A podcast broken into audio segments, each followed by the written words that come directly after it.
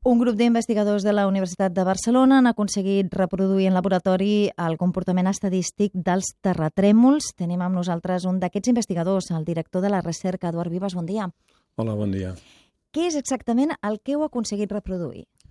El que hem aconseguit fer és, eh, en el laboratori, eh, fer uns experiments amb uns materials que els comprimim i el que hem fet ha sigut escoltar el soroll que emeten aquests materials, és de tipus ultrasonor, i hem vist que les propietats estadístiques d'aquest soroll són idèntiques a les dels terratrèmols pràcticament a tots els efectes. És a dir, totes les coses que es poden medir en terratrèmols de tipus estadístic eh, coincideixen molt bé amb el que podem medir en aquests materials. Hi ha encara alguna cosa que no podem medir, que no sabem encara si coincideix o no, però el que podem medir coincideix.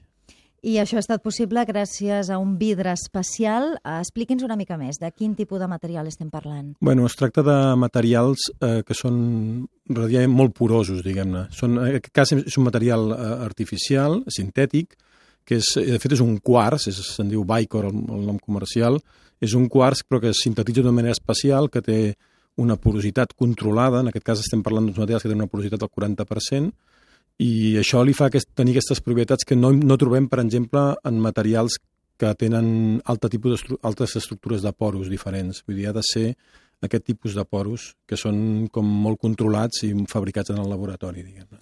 S'han fet simulacions amb ordinadors, s'han fet experiments amb aquests materials, però quines aplicacions pràctiques té simular el comportament d'un terratrèmol? Uh, a veure, és una, això és una recerca bàsica i fonamental, vaja. Vull dir, no, no esperem eh, aplicacions pràctiques eh, d'immediat.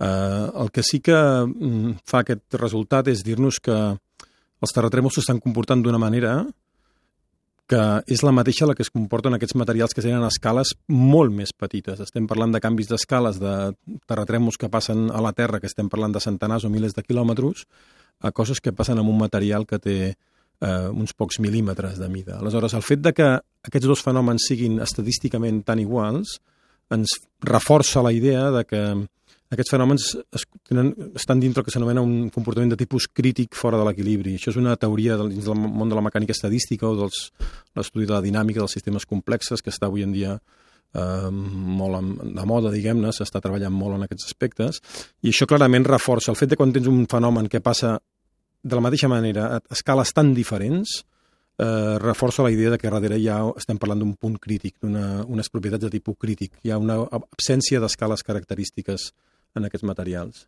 Perquè eh, els sismes en principi no es poden preveure, llavors aquesta recerca, aquests experiments eh, al laboratori podrien ajudar, encara que fos a llarg termini, a avançar en aquesta línia de poder preveure quan passarà un terratrèmol?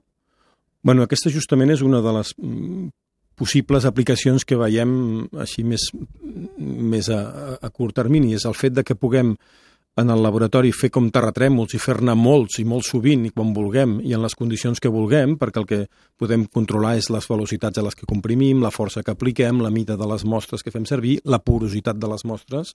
El fet de que tinguem tot aquest control pot permetre doncs, fer tests de terratrèmols en el, en el laboratori i aleshores comprovar les possibles teories que s'estiguin dissenyant, ja no per nosaltres, sinó per part del, dels sismòlegs, per intentar veure fins a quin punt són pre, es poden pre, prediure o no els terratrèmols, doncs poder-les aplicar primer en el laboratori, en aquests experiments, i llavors, si funcionen aquí, aleshores és quan es pot anar i fer-los, provar-los en, les, en els terratrèmols de veritat. Però d'alguna manera podem com tenir, mm, generar molts terratrèmols a, a voluntat per comprovar i fer test de teories, hipòtesis que es facin sobre el comportament dels terratrèmols. Si tu fas una teoria, un model sobre un terratrèmol que parla de que hi ha terratrèmols d'una certa magnitud, doncs no en tens tants al llarg del, de l'any o dels 10-15 anys que hi han per poder comprovar si aquelles coses funcionen o no. En canvi, en el, en el laboratori els pots fer-los a voluntat.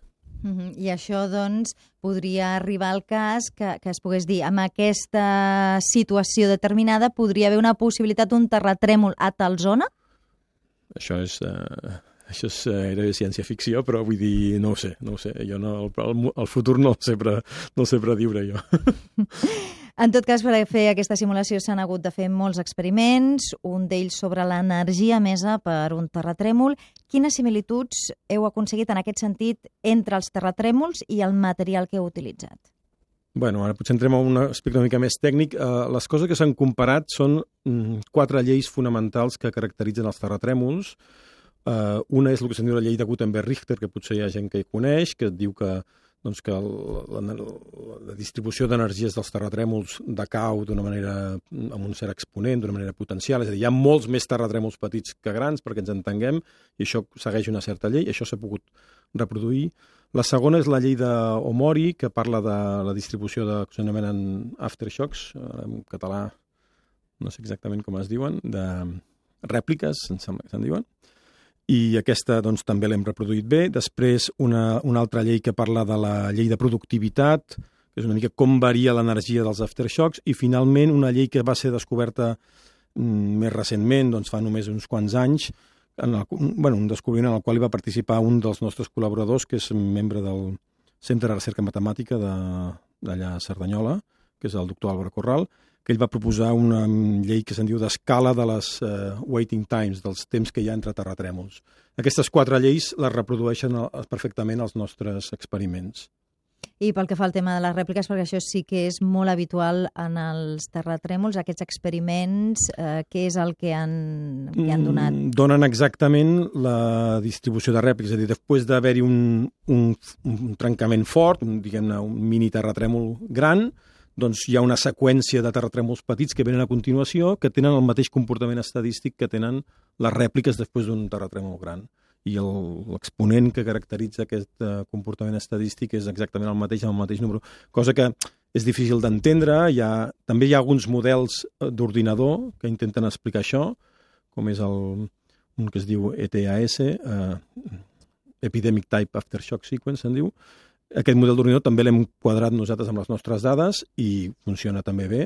Vull dir que hi ha tres coses aquí que quadren respecte a entendre les rèpliques després d'un gran terratrèmol. El treball l'ha publicat la revista Physical Review Letters i imaginem que haurà provocat molt interès en zones d'alta sismologia, si més no. Bueno, és un treball una mica teòric, eh? s'ha publicat en una revista mm, de física, però de física molt bàsica, diguem-ne, però sí que té un cert interès pel, en, en el camp dels sismòlegs. Hem, hem tingut, per exemple, aquesta revista convida de vegades a gent important a fer un, a donar un, com una mena de punt de vista sobre aquell article i hem rebut un viewpoint que se'n diu del Ian Main, que és un sismòleg de la Universitat d'Edimburg, que doncs, li ha donat molta importància, i això és una cosa completament independent de nosaltres, li ha, li ha, li ha donat molta importància a aquests resultats, i, bueno, no sé, ja veurem, aquestes coses tenen una mica també a, a arribar en les diferents esferes de, del món científic, diguem-ne. En tot cas, dos anys de treball i ara, durant quants anys més eh, anireu fent aquests experiments, aquesta reproducció de molts terratrèmols cada dia? Teniu una previsió o anireu fent? Home, nosaltres treballem una mica, com us dic, recerca fonamental, tampoc anem perseguint una, una aplicació immediata. Evidentment, hi ha moltes coses per entendre encara aquí, hem de provar diferents materials. Hi ha una possible aplicació també que és la d'intentar preveure l'enfonsament de les mines, que de fet estem fent ja alguns experiments amb materials que venen naturals, que venen de mines de ferro de Nova Caledònia, eh, però això no acaba de funcionar, eh, estem provant nous materials, etc. anirem fent, tampoc és que això és recerca bàsica, a més a més el, el finançament que tenim és el que tenim, vull dir que es fa el que es pot, eh, i bueno, també Cal dir que per fer aquests experiments hem tingut que desenvolupar una màquina de compressió especial, eh, que això ho hem fet allà amb la Universitat de Barcelona, amb els eh, serveis eh, científics i, te i tecnològics que ens han ajudat molt, molt a fer-ho, i aquestes màquines, doncs, desenvolupar aquesta màquina per fer altres experiments doncs, comportarà també molta feina, diguem-ne, més de nivell tècnic. Vull dir que això també, si no hi ha diners, doncs no es podrà fer tant. es fa el que es pot. I, com, bueno, Mm. La intenció nostra és d'intentar entendre al màxim les coses, que és el que ens motiva. Queda clar. Moltes gràcies, Eduard Vives, per aquestes explicacions i per aquesta recerca que segur que ajuda a entendre molt més els terratrèmols. Gràcies a vosaltres.